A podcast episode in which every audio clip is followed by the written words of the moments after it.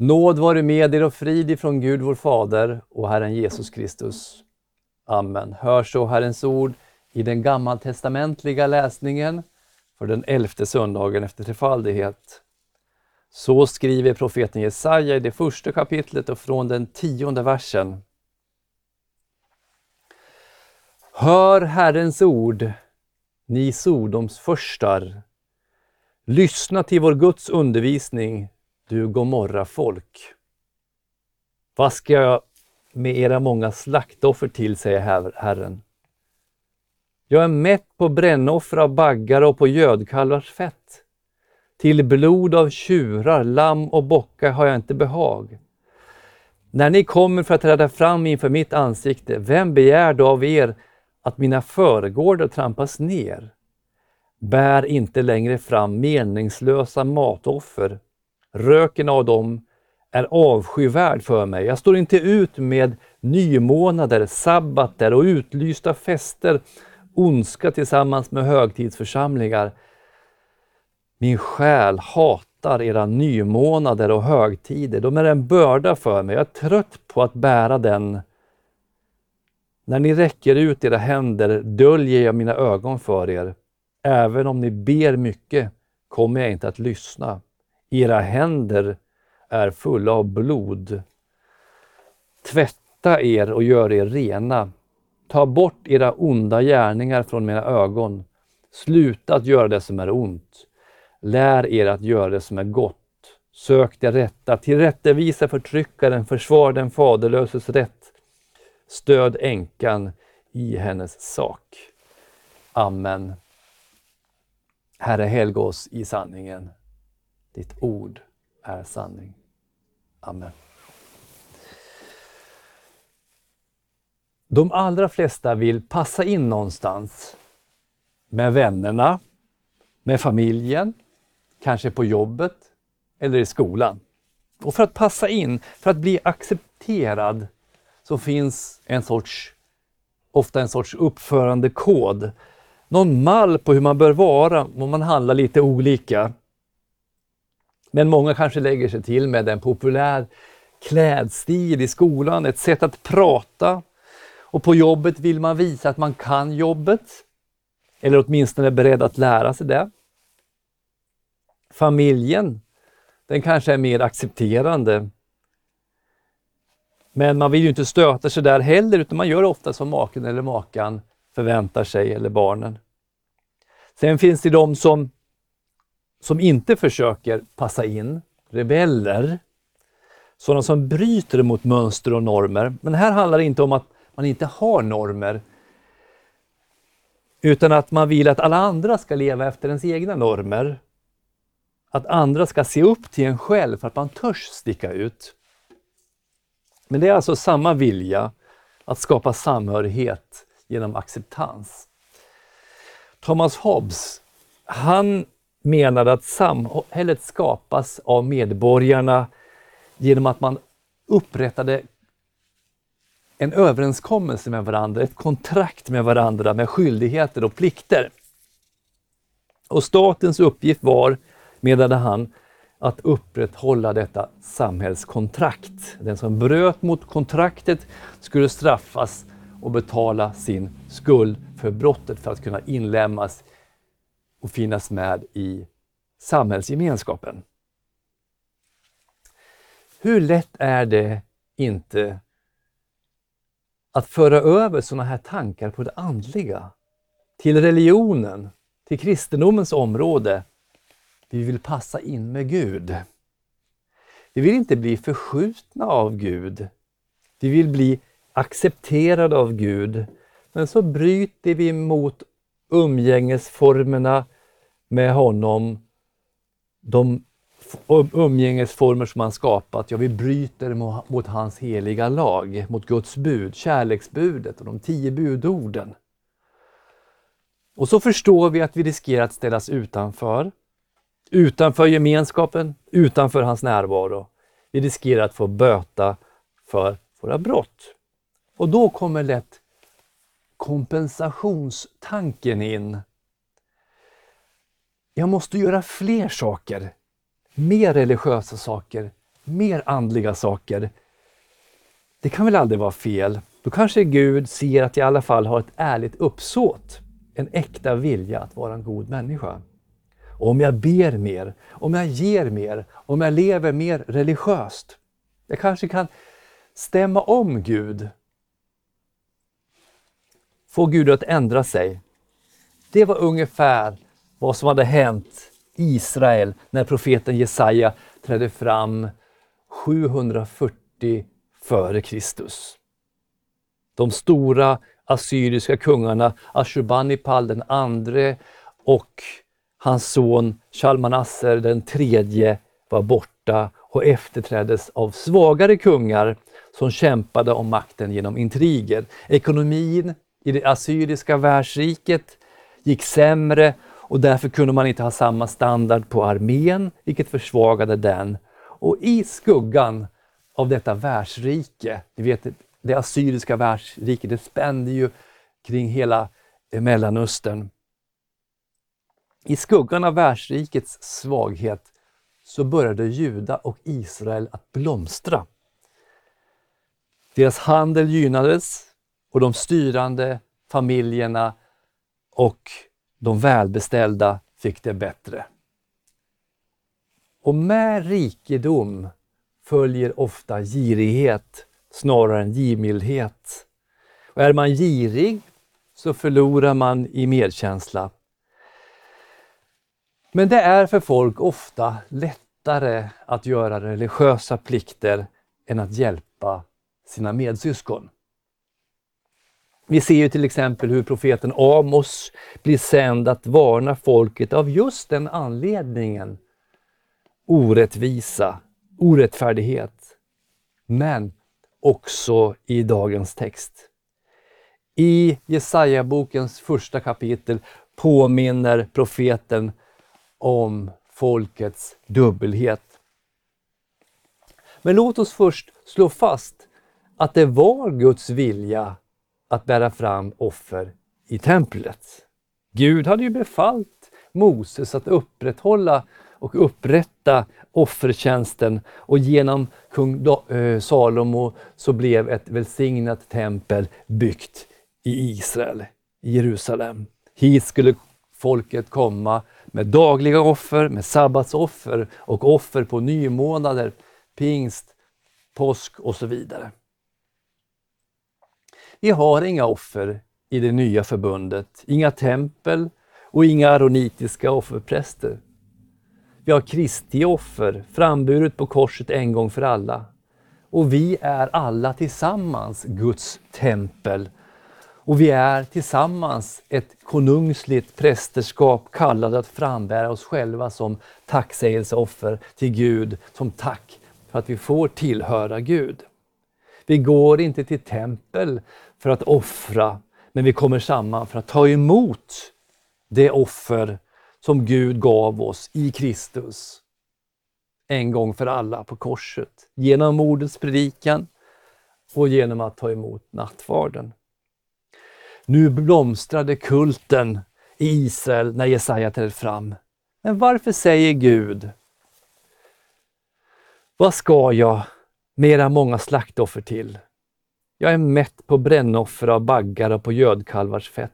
Till blod av tjurar, lamm och bockar har jag inte behag. Bär inte längre fram meningslösa offer. Röken av dem är avskyvärd för mig. Jag står inte ut med era nymånader, sabbater och utlysta fester, ondska tillsammans med högtidsförsamlingar. Min själ hatar era nymånader och högtider. De är en börda för mig. Jag är trött på att bära den. Varför säger Gud så? Det var säkert fantastiskt att gå upp till templet i Jerusalem, se templet, templet som skimrade i solen, se utsmyckningarna, att bära sitt lamm eller sin duva dit, att mötas av leviterna som tog emot offren, att höra offerbönerna och tacksägelsebönerna, att få lyssna till hallelsalmerna som ekade mellan pelargångarna i templet. Kanske man tänkte, när man stod där med sitt offer, kanske man tänkte, Oavsett vad jag gjort och vad som har hänt nu, så har jag gett nu och jag har gjort min plikt. Nu borde Gud vara nöjd. En stopp där. Var den religiösa plikten till för att blidka Gud? Tar den bort vårt ansvar i övrigt? Nej, templet, offren, ritualerna var inte till för Gud. Utan för folket. Det skulle påminna dem om synden, att Gud är helig och straffar synd.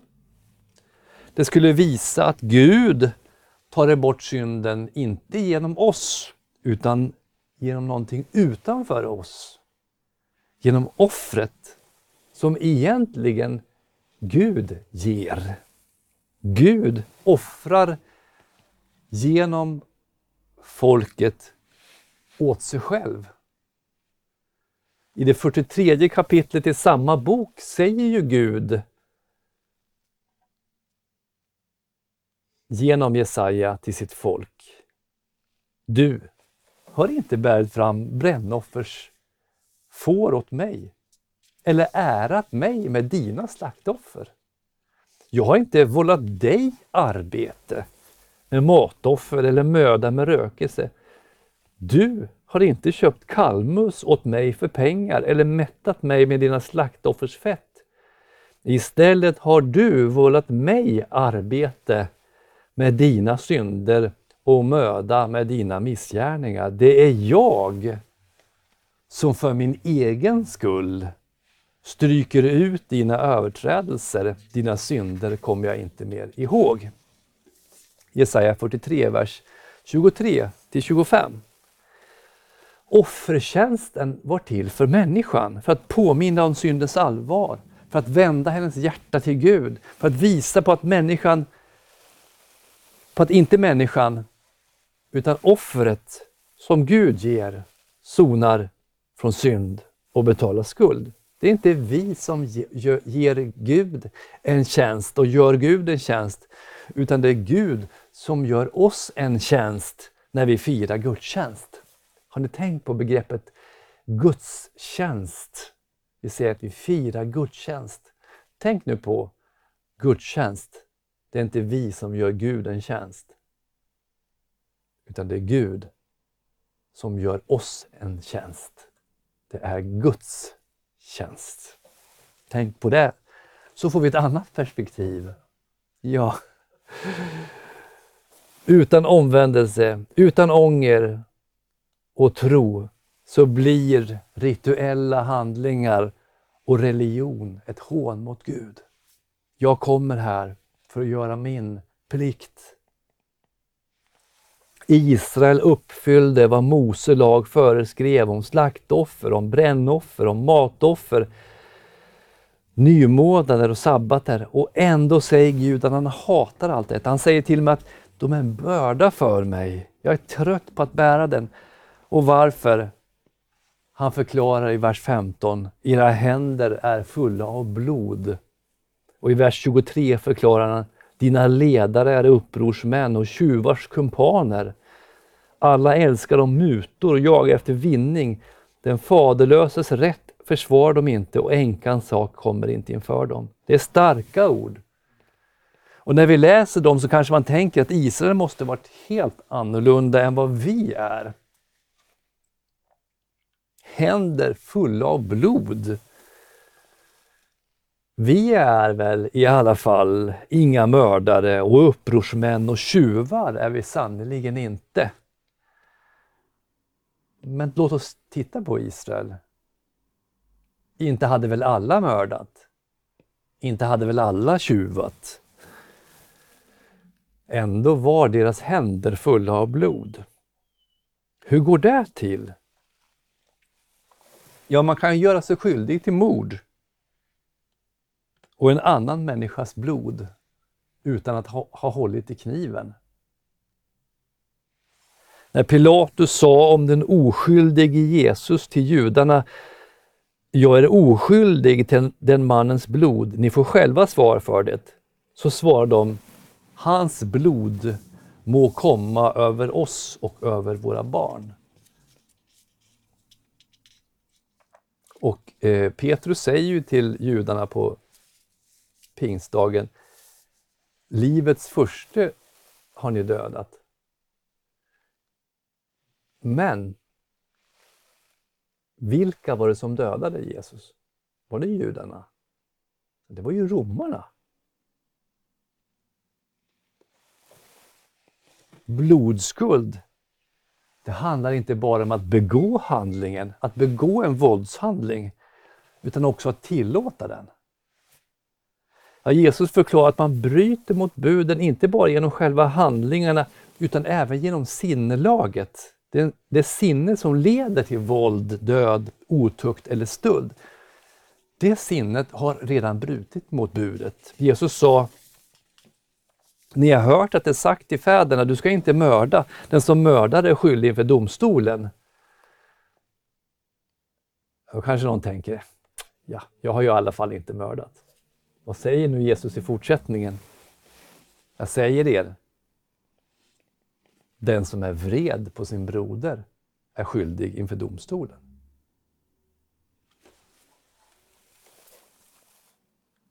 Den som är vred är skyldig. Och Johannes skriver, den som hatar sin broder är en mördare. Så egentligen är orden om blod på händerna inte så dramatiska och inte så långt borta ifrån oss. Vem kan berömma sig av fullkomlig kärlek, alltid och till alla människor? Och när Gud ska exemplifiera hur Israel kunde stämplas som tjuvar och upprorsmän, så börjar han inte tala om att de har gått och tagit, utan han börjar tala om att de inte värnar om änkor och faderlösa. Alltså synd är inte bara vad du och jag faktiskt gör, utan synd kan också vara vad vi ska göra men inte gör. Det vill säga det som man brukar kalla för underlåtenhetssynd. Jakob skriver Den som vet att göra det goda men inte gör det, han syndar. Jakob 4.17. Så vad är lösningen för ett folk som fallit ifrån Gud? Vad är då lösningen? Här är problemet. Vad är lösningen? Det svarar profeten. Tvätta er och gör er rena. Ta bort era onda gärningar från mina ögon. Sluta att göra det som är ont och gör det som är gott. Sök det rätta. Tillrättavisa förtryckaren, försvara den faderlöses rätt. Stöd änkan i hennes sak. Så, det första människan behöver är vad då? Säger profeten. Jo, rening. Den som behöver rening, det är den som inser att han är smutsig. Inser du och jag hur illa det är med oss? Inser vi att också vi felar? Gör vi det så att vi ångrar oss och bekänner våra synder? Då kan vi också se Gud som genom Jesu Kristi offer på korset tvättar våra kläder och gör dem vita i Lammets blod. Frälsning i, i Kristus Jesus är färdig, är fullbordad. Han tvättar oss och gör våra kläder vita i Lammets blod. Frälsningen i Kristus Jesus kommer till oss personligen genom dopet. Frälsningen är färdig i Kristus Jesus och Gud överräcker försoningen i Kristus Jesus, till exempel genom dopet. Gåvan är här och så räcker han gåvan genom dopet. Genom dopet dör och uppstår vi med Kristus. Och därför säger Gud om sin församling att han helgar den sedan han renat den genom vattnets bad i kraft av ordet. Ja, till Paulus sa Ananias, låt dig döpas och tvättas ren från dina synder. Apostlagärningarna 22.16. Så dopet är någonting vi ska tänka på. Genom dopet är vi rena inför Gud. Men också varje gång vi hör orden om förlåtelse, när vi hör Guds ord, när vi hör evangeliet, så får vi del av reningen. Som Jesus själv säger, ni är redan nu rena i kraft av det ord som jag har talat till er. Johannes 15 och vers 3. När vi hör att Gud har sänt sin son till försoning för våra synder och tror det, är vi frälsta av nåd genom tron. Det är Guds gåva till oss och han skänker den gratis. Lösningen för Israels folk låg i den rening som Gud ger folket genom Messias, genom Kristus, som han talar om i vers 18. Vet ni? Vers 18 i samma kapitel, där han talar om att synderna som är blodröda ska bli snövita. Då talar han om Messias ankomst. Men Guds barn stannar inte där. Vi är frälsta av nåd genom tron. Men vad står det i Efesierbrevet 2.10? Alltså i vers, de två verserna efter. Vi är frälsta av nåd genom tron. Och vers 10. Skapade i Kristus Jesus till goda gärningar för som Gud har förberett för att vi ska vandra i dem. Det vill säga, när Gud ger oss förlåtelsen, då ger han oss också kraften att lägga ifrån oss det onda. Och därför fortsätter profeten Jesaja efter att han talat om att vi tvättats och gjorts rena. Han fortsätter. Ta bort era onda gärningar från mina ögon. Sluta att göra det som är ont. Lär er att göra det som är gott. Sök det rätta. Tillrättevisa förtryckaren. Försvara den faderlöses rätt. Stöd änkan i hennes sak. Och vi minns ju alla berättelsen om Sackeus. Hur Jesus kom till Sackeus. Idag har frälsningen kommit till detta hus, säger Jesus. Sackeus var ovärdig, Sackeus blev glad. Frälsningen kom till Sackeus. Men där slutade inte historien. Vad gjorde Sackeus? Jo, när han blev så glad och förlåtelsen och försoningen och evangeliet, att Jesus kom till honom. Då delar han ut till folket av allt det som han har lurat av dem. Han förändrades, han blev en ny människa. Han visade kärlek och omtanke. Och därför vill vi, vi vill också förändras om vi är Guds barn. Om vi i ånger och tro tror på Jesus Kristus som lider, dör och uppstår för oss.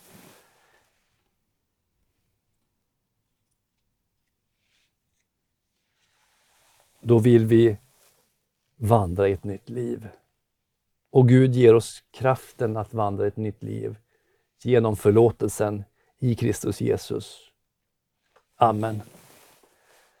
Låt oss